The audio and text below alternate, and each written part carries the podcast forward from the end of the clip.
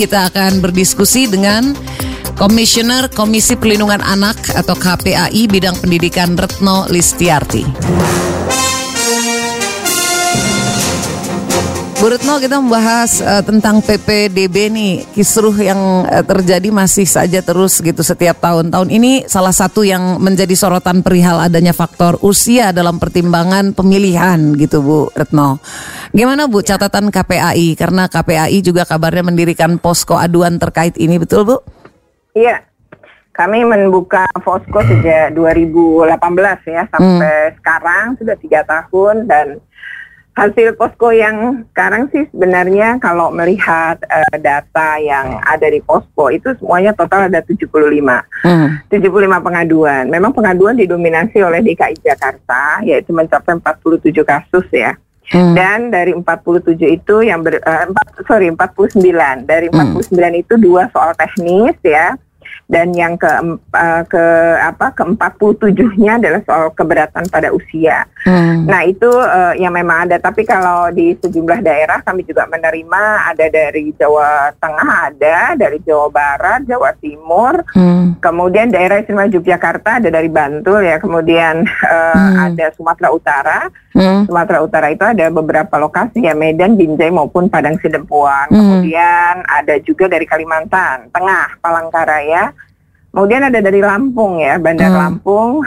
Kalau Jawa Timur itu ada dari Kota Malang dengan Pasuruan. Itu yang uh, apa data yang masuk. Kalau di daerah umumnya adalah masalah teknis ya. hmm. ya. Jadi masalah teknis memang mendominasi lantaran lemot lah jaringannya dan hmm. lain-lain hmm. itu yang kemudian terjadi. Sebenarnya kalau masalah teknis sih biasa ya. Itu hmm. bisa diselesaikan dengan uh, jauh lebih mudah ya KPAI hmm. bisa nelpon pihak uh, panitianya atau mereka kita kasih nomor panitia terus katanya nggak bisa bisa kita yang nelpon biasanya saya biasa kalau nelpon ya hmm. ke kepala dinas pendidikannya gitu nanti kepala dinas pendidikannya segera ke ketua panitia ya kayak hmm. gitulah ya kalau soal-soal teknis mah mudah lah hari itu juga selesai gitu hmm. nah yang sulit adalah nah terkait dengan kebijakan jadi hmm. bukan masalah teknis tapi masalah kebijakan Hmm. Nah, masalah kebijakan itu memang ada beberapa laporan. Misalnya saja kalau sesuai zona, kenapa masih ada masih ada nilai? Misalnya hmm. itu uh, padahal itu bukan jalur prestasi tapi zonasi di misalnya di Kota Bogor. Kemudian ada juga uh, apa pengaduan terkait dengan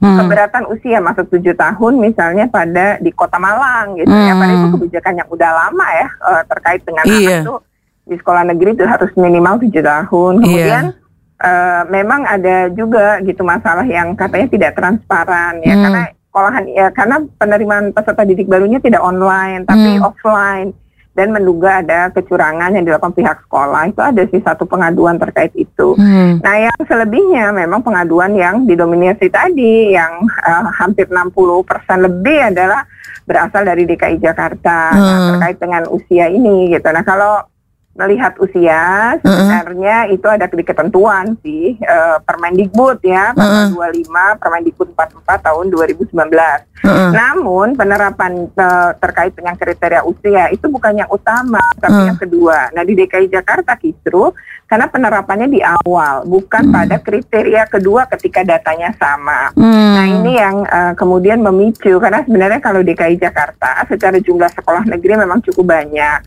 Untuk SMP dia le punya lebih dari 350 sekolah. Hmm. Nah lalu dia menggunakan sistem yang disebut dengan zonasinya hmm. berbasis kelurahan. Itu benar sih sampai tahap itu betul boleh berzonasi hmm. kelurahan. Hmm. Misalnya mm-hmm. apa dalam satu kelurahan itu uh, terjadi misalnya di Cipinang Muara mm-hmm. dia punya lima kelurahan mm-hmm. tapi lima kelurahan itu ada 24 SMP kan logika kita oh di 24 SMP mm-hmm. lima kelurahan orang pasti keterima kan begitu iya, iya, iya, karena iya. jumlahnya mencukupi kan nah, mm-hmm. sementara saya tinggal di Kelapa Gading kelurahan di tempat saya ini nggak banyak sekolah jadi Kelapa Gading itu hanya uh, apa ada empat sekolah sehingga kami harus dengan zona bersisian yaitu uh, kami kebetulan dekat sekali dengan Jakarta Timur mm -hmm. perbatasan jadi mm -hmm.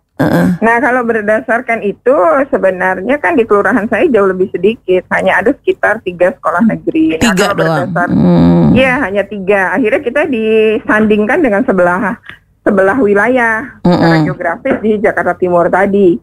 Jadi kita punya tambahan satu yaitu SMP Negeri 99. Nah Kalau berdasarkan itu sebenarnya sudah tepat. Hanya saja prinsip pelaksanaannya yang keliru di DKI. Hmm. Harusnya seluruh anak yang berada pada misalnya saya di Kelurahan Pegangsaan 2. Hmm. Nah, di Kelurahan Pegangsaan 2, Kelapa Gading Timur dan Kelapa Gading Barat itu di wilayah Kelapa Gading kami itu di wilayah Pegangsaan 2 ada dua sekolah uh, eh, SMP ya. Mm-hmm. Kita SMP 170 dengan 270. Artinya mm-hmm wilayah kelurahan di mana saya tinggal, maka seluruh anak di wilayah itu akan uh, ditampung. Hmm. Jadi betul-betul jarak. Artinya yang anak-anak seluruhnya yang mendaftar, yang berada hmm. pada kelurahan yang pertama tadi, hmm. maka dia akan ditampung. Nah, hmm. uh, begitupun di Kelapa Gading Barat yang ada SMP 123. Hmm. Seluruh anak yang berada di Kelapa Gading Barat, dia pasti bisa masuk 123. Hmm. Nah, lalu kan biasanya ada kursi yang uh, kosong. Hmm. Maksudnya misalnya dari 200 anak-anak di situ cuma 150, kan ada 50 kursi lagi kan? Iya.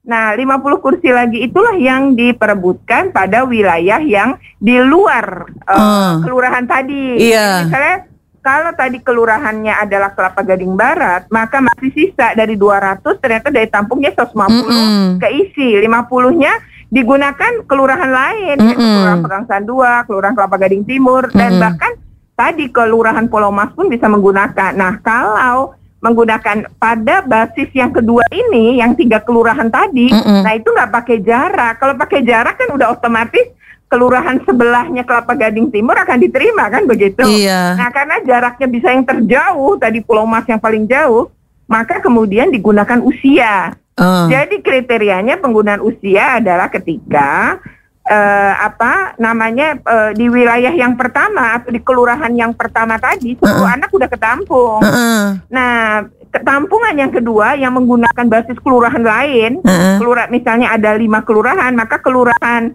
yang kedua sampai kelima itu akan berebut 50 kursi tadi kan. Mm -hmm. Nah 50 kursi itu tidak diperebutkan dengan jarak karena kan jauh makin jauh yeah. uh -uh. itu. Nah itu digunakanlah usia uh -uh. dari tua ke muda. Jadi uh. tidak bisa menggunakan usia pada kelurahan yang pertama. Uh.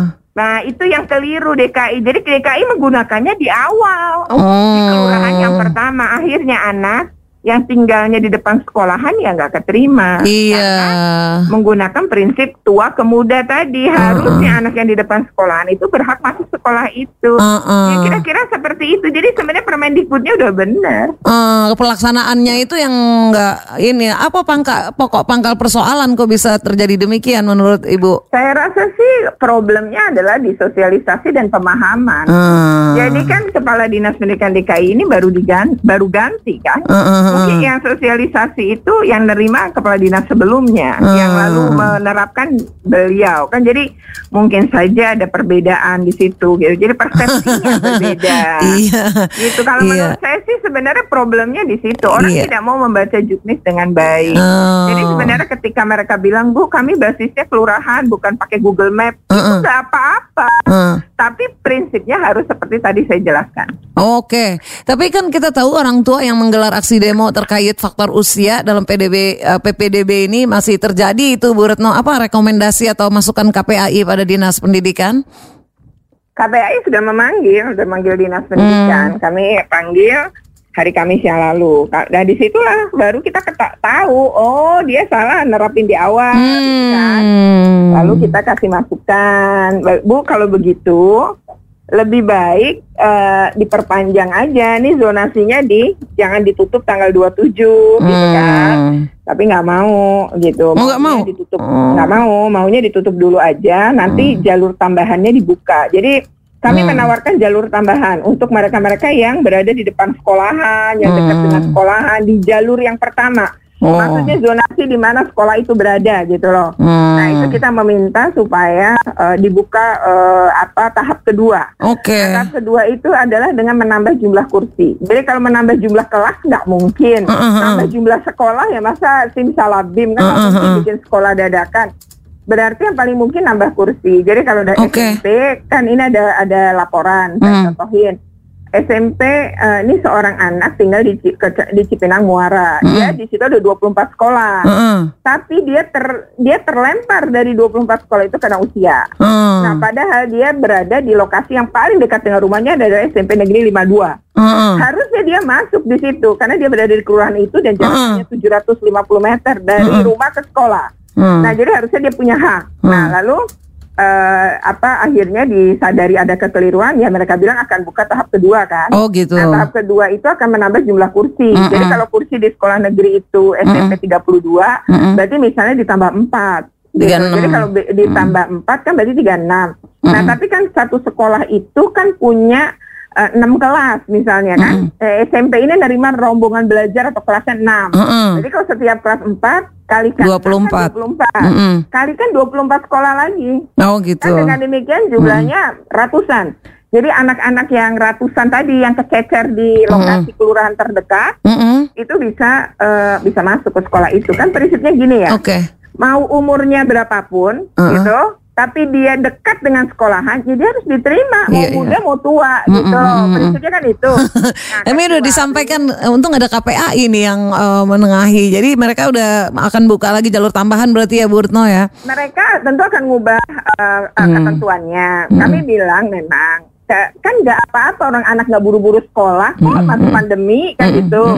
Yang penting adalah bahwa persoalan ini bisa diselesaikan ada keadilan bagi anak-anak yang dekat rumahnya. Gitu. Nah kalau Okay. Ya banyak pihak lah nyuruh diulang, nyuruh nyabut. Kalau kami enggak, kami pahami sih. Namanya pemerintah daerah ya mbak. Mm -hmm. Pasti kan dia pada posisi ya gengsi juga kalau harus mengubah. Mm -hmm. Kami pahami secara psikologi juga. Mm -hmm. Mungkin gubernur malu dan lain-lain. Tentu mm -hmm. kan kita harus mempertimbangkan itulah mm -hmm. sebagai sesama lembaga kami kan sesama kementerian dan lembaga negara mm -hmm. sesama kedinasan kan pemerintah juga mm -hmm. tentu kita mempertimbangkan okay. jadi kalaupun kalaupun tidak diulang ya harus ada keadilan bagi anak-anak yang tidak iya. tertampung iya. dengan usia yang muda itu aja sih kami harus ada keadilan betul ya, oke okay. baik berarti ini terakhir nih Bu Retno kalau secara umum perbaikan secara komprehensif seperti apa yang mesti dilakukan agar kondisi ini nggak terulang setiap tahun selalu ada case aja gitu apa Bu perbaikan nah sebenarnya hmm. sih problemnya adalah di jumlah sekolah negeri yang kurang antara peminat oh. sekolah negeri atau yang mau mendaftar di sekolah negeri dengan jumlah sekolah negeri itu kurang hmm. Jawa Tengah pun termasuk Kalimantan hmm. Selatan misalnya Banjarmasin itu tetap termasuk. Hmm. Nah, tetapi kalau kami kan melakukan pengawasan tiga tahun terakhir ya, hmm. dalam pengawasan kami tiga tahun terakhir,